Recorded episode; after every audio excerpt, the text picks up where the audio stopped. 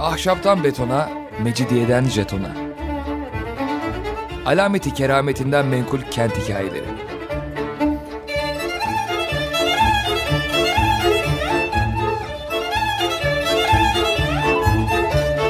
Hazırlayan ve sunan Pınar Erkan.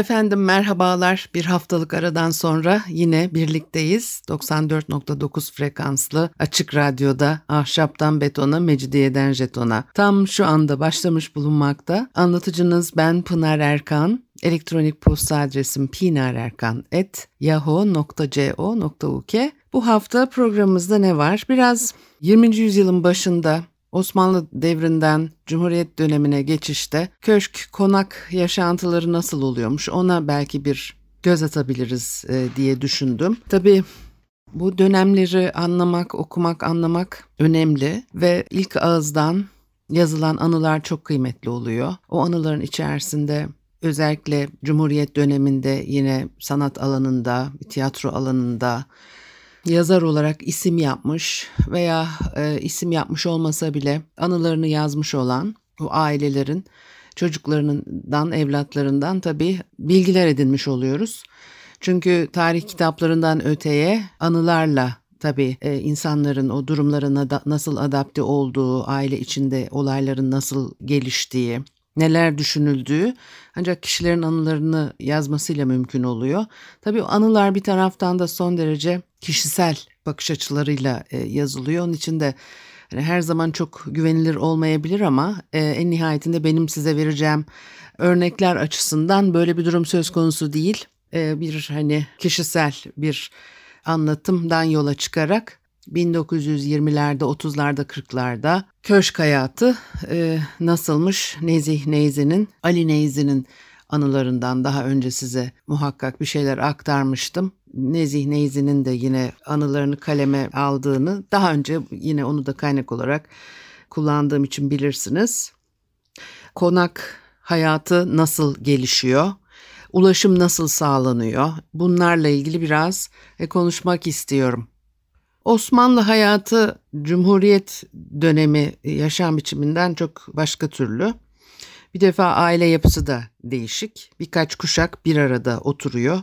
Evde mutlaka ihtiyarlar, gençler, çocuklar, hizmetçiler, ahretlikler, yanaşmalar, dayılar, teyzeler, uzak akrabalar e, bulunuyor. E, yaşam tarzı, ulaşım araçları e, bunu gerektiriyor. Mesafe algısı da o dönemlerde günümüzdekinden daha farklı.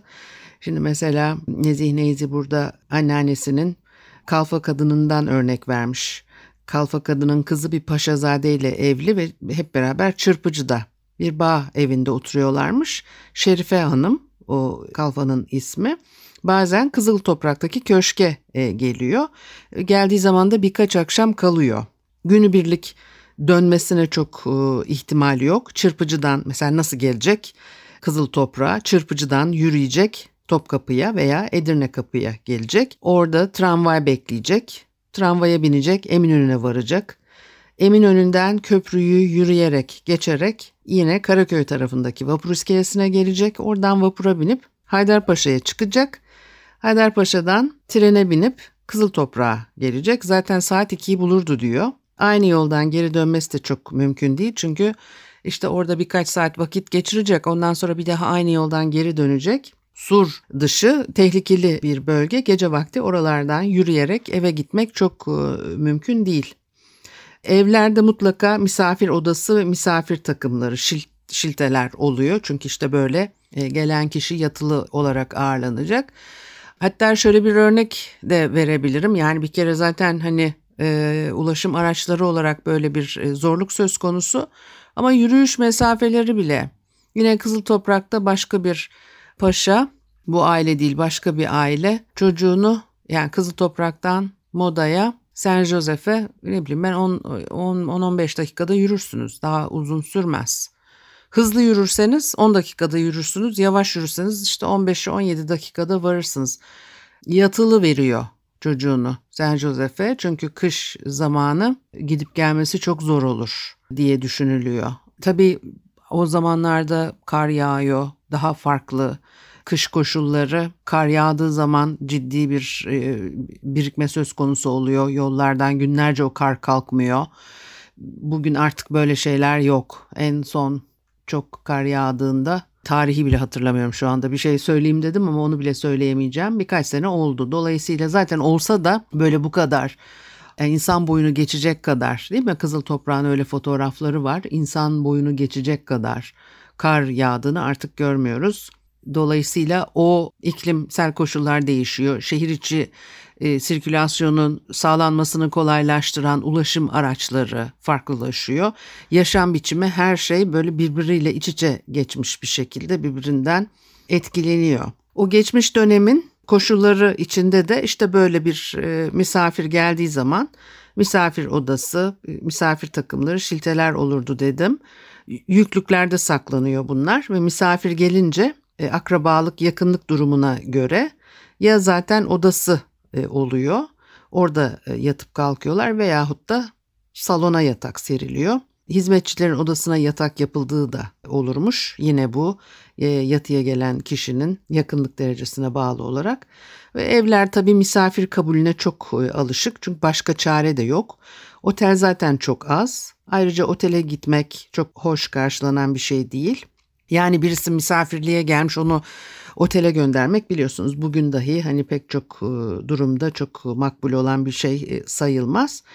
E, insanın da gittiği yerde kalabileceği bir yer oluyor.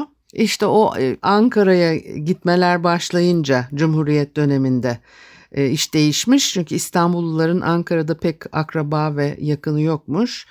E, Nezih Neyzi de diyor ki babam ilk gittiğinde hanlarda kalıyormuş. Babası ticaretle uğraşıyor. Sonraları oteller yapılmış. En sonunda da bir daire tutulmuş. Hem yatak odası hem bürosu orada. Kendisi de 1944 senesinde hukuk okumak için Ankara'ya gittiği zaman e, orada yine bir odada kalıyormuş. Hani çırpıcıdan misafirliğe gelen kalfa birkaç gün kalıyor öyle gidiyor. Bir de Anneannenin misafirleri geliyor. Bağdat'tan, Halep'ten gelenler olurmuş. Aylarca kalıyorlar. Tabii e, zaman içerisinde onlara alışılıyor. Sofrada belirli e, yerleri olur gittikleri zaman da işte tabii o alışkanlık e, arkalarından üzülüyorlar filan ve o kişileri anıyorlar bir süre bazı misafirler de geleceği zaman çok seviniliyor. Çünkü tabii Kızıl Toprak Anadolu yakası genel olarak 19. yüzyılın sonunda hatta işte 20. yüzyılın başında da sayfiye yeri olarak görülüyordu. Orada sürekli bir yaşantı sürenlerin haricinde işte aileler ve annenizin evine gidiyorsunuz kalmak için. Biz nasıl bugün belki yazlık eviniz varsa yine aileden bir büyüğün evine yaz zamanında bir belirli bir süre geçirmek için gidiyorsanız o dönemlerde de insanlar annelerinin babalarının evine belki yazları geçirmek için geliyorlardı ve yine Kızıl Toprak'ta konak bu işlevi görüyor belli ki. Çünkü Kızıl Toprak'tan denize girmek mümkün, Kalamış'tan denize girmek Fenerbahçe'den ve ondan sonra da zaten daha ilerleyen zamanlarda da Suadiye, Caddebostan plajlarının da açıldığı ve buralardan da denize girildiği işte Nezih Neyzi anılarında anlatıyor ve zaten de bildiğimiz bir e, süreç bu. Bütün e, sahil şeridinde e, her yerden hani neredeyse denize girmek mümkün ve o Anadolu yakasında modadan başlayarak Bostancı'ya ve daha ilerleyen kıyı şeridindeki yerleşim yerlerine kadar günlük hayatın sıradan aktivitelerinden biriydi. Tabii kıyı şeridi çizgisi bugünkünden farklı sahil yolları yapılmadan önce İstanbul'un kıyı çizgisinin değiştirilmesi, sahil yollarının yapılması e, ulaşım için tabii bazı kolaylıklar sağlıyor bugün ama biliyoruz ki şehir e, yaşantısı, tarihi dokusu, o eski hayatın tamamen başka bir biçime e, evrilmesine neden olmuş ve 15-20 e, sene öncesine kadar bile hayatımızın içinde olan pek çok unsurun artık bugün hiç bilinmeyen bir şeye dönüşmesine sebep oldu. Kayıkları hani düşünerek bunu söyledim çünkü ben hatırlıyorum kendi çocukluğumdaki o kadar yaşlı bir insan değilim. O kadar yaşlı bir insan değil değilim. Hiç yaşlı bir insan değilim. Kayık kiralamak öğrenciler için bile mümkündü benim e, küçük çocukluğumda onu e, hatırlıyorum. Bir müzik arası verelim ondan sonra devam edelim. Açık Radyo. Açık Radyo. Efendim Açık Radyo'da Ahşaptan Betona, Mecidiyeden Jeton'a devam ediyor. Haliyle Pınar Erkan'ı dinlemektesiniz. Ee, Osmanlı döneminden Cumhuriyete geçiş ve köşk konak e, hayatı.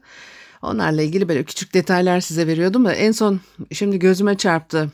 Hani dedim ya Bağdat'tan Halep'ten gelen misafirler tabii o kadar yoldan gelmişler. Topkapı'dan gelen bile 3-5 gün kalıyor. Bağdat'tan Halep'ten gelen bir, birkaç hafta belki birkaç ay kalıyor. Onlar da arkasından özlenir, üzülünürmüş filan.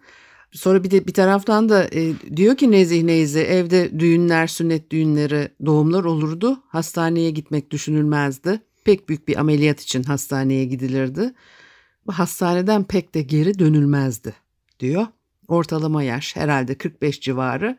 Sağlamlar yaşar, hastalanan gider. Dedemin Fransa'da ameliyat olup geri gelmesi mucize gibi bir şeydi.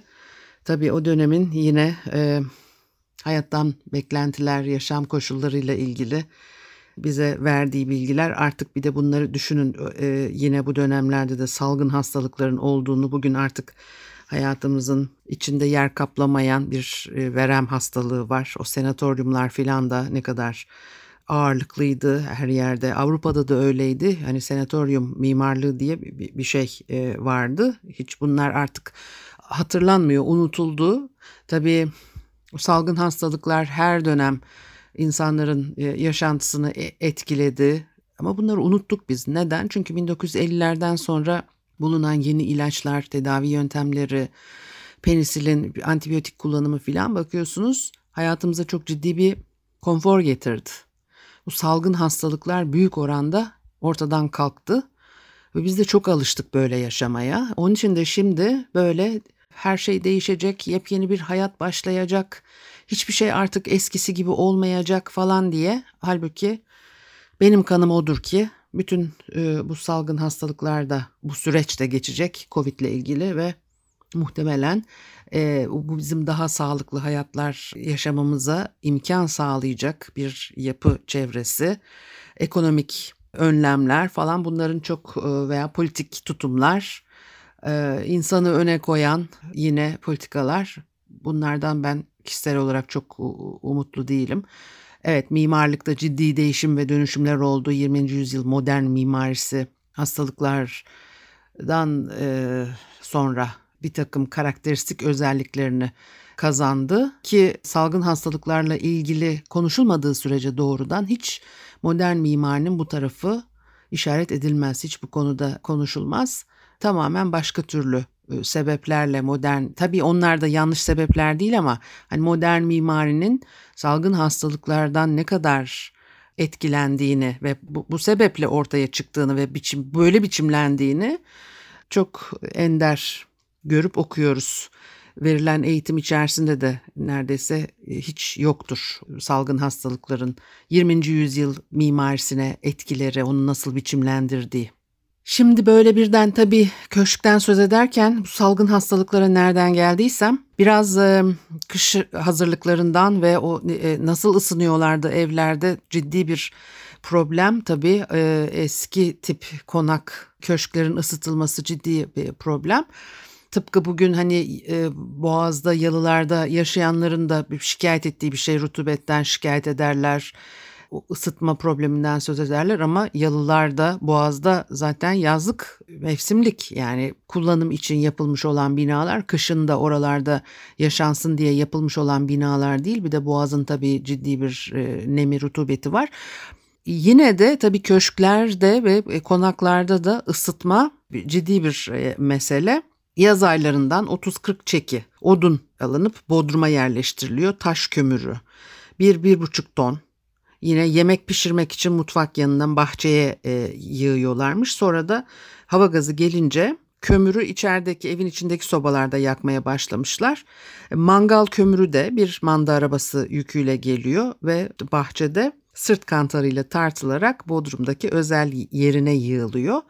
Gaz sobası çok iyi anılar bırakmamış. Kimse sevmemiş e, gaz sobasını işte tütmüş ortalığı is içinde bırakmış falan. Bir de o tabii gaz lambada kullanılan bir şey daha çok ve de tehlikeli olarak e, düşünülüyor. Onun için de gaz sobası sökülüp eskiciye satılmış. Şimdi bu sobaları yerleştirirken bir kere her odanın kendi sobası var. O sobaları soba borularını ahırdan alıyorlar, elden geçiriyorlar her kışın başında. Her e, odanın da borusu belli. Tellerle tavana bağlanıyor o borular. Sobalara takılıyor. Bir deneme yapılıyor. Her odanın ayrı bir çini sobası var. Sadece yemek odasında kömür sobası bulunurmuş. Her odanın bir de sobanın yanında odun sandığı bulunuyor. Özel olarak saçtan yapılmış boyalı süslü küçük sandıklar bunlar. İşte içlerinde e, odunu tutuyorlar. Odalarda genellikle pirinç veya bakırdan yapılma güzel mangallar e, bulunurmuş. E, mesela Kızıl Toprak'taki köşkte e, dede yatak odasında soba kurdurtmuyor. E, yatmadan önce oturma odasındaki sobanın ateşiyle odasına mangal götürüyor. Yemek odasının üstündeki odalar daha bir ılık oluyorlar çünkü bütün akşam boyunca yemek odası yani o bir hani oturulan yer olarak e, kullanılıyor. Orada yemek yeniyor. Pek çok şey orada yapılıyor. Salonun sobası misafir geleceği zaman yakılıyor. Yatak odalarının sobaları da akşama doğru yakılıp ısıtılıyormuş. Hamamlardaki odun sobaları hem suyu ısıtıyor hem sıcaklığı sağlıyor ve kışında üst katta daha küçük bir hamam var. Alt katta büyük bir hamam var. Kışın üst kattaki küçük hamam kullanılıyor. Yazın alt kattaki büyük hamam kullanılıyor. Odalardaki sobalar genellikle renkli çini sobalar. E, yemek odasında soba demirden bir kömür sobasıymış. Mesela Kızıl Toprak'taki köşkte sofada da bir e, orta sofada da bir bir süre bir soba kurmuşlar sonra onu kaldırmışlar. Çünkü odaları ısıtma çabası var anladığımız üzere. Fakat o odalardan ortada buluşma noktası ve bir e, işte her evin bölümüne ulaşımı sağlayan ortadaki sofa soğuk kalıyor. Bir süre sonra demek ki ya ondan fayda görmediler ya bir şey oldu. Çünkü orada merdivenler de var ve cam var. Belki de ısı tutmuyor. İstediğiniz kadar soba kurun. içeride pek etkili olmuyor.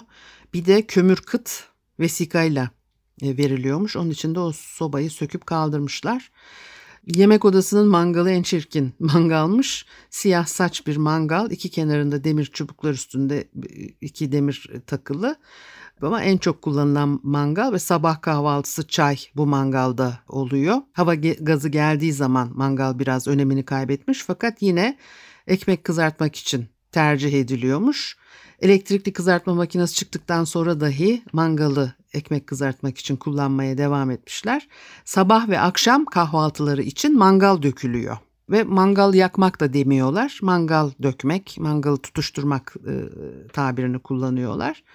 O odun kömürü mangala yerleştiriliyor. Ortasına biraz çıra, tahta parçası, kağıt parçası konuyor. Kibritle kağıtlar tutuşturuluyor. Üstüne bir mangal borusu konuyor biraz böyle bir cereyanlı bir yerde bırakılırmış. Etrafa ateş saça saça o mangal yanıyor. Zehirli gaz çıksın diye biraz dışarıda yandıktan sonra yemek odasına e, alınıyor. Yazın yemek odası dışındaki sundurmada e, dururmuş. Hem ısınmak için odalarda tabii bu mangal e, işte ateşi sönmüş köz halindeki mangal odaları ısıtmak için aynı zamanda da kahve pişirmek, ekmek kızartmak, işte çaydanlığın sıcak tutulması falan. Bir de mutfakta büyük bir demir soba varmış. Bu sobada taş kömürü yakılıyor. Fırın bir tarafı sıcak su deposu şeklinde yapılmış. 5-6 tencere üzerinde işte kaynıyor. Sabah öğleye doğru aşçıbaşı kömür sobasını yakıyor. Öğleden sonra kalan kömürleri bir tenekeye alarak mutfak dışındaki bahçede söndürürmüş. Bir bulaşık suyuyla bu söndürme işi yapılırmış.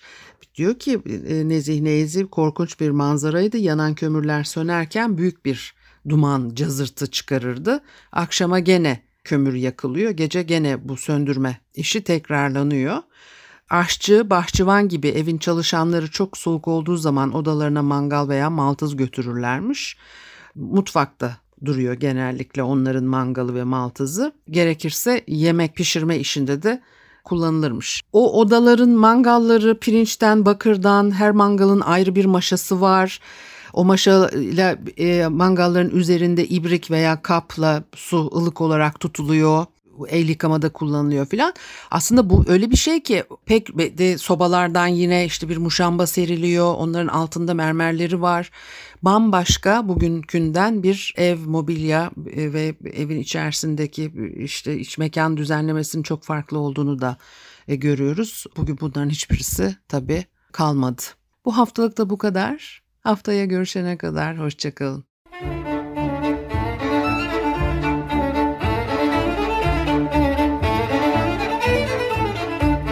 Ahşaptan betona, mecidiyeden jetona.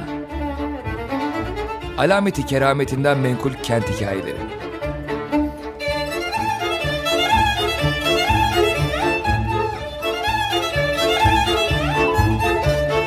Hazırlayan ve sunan Pınar Erkan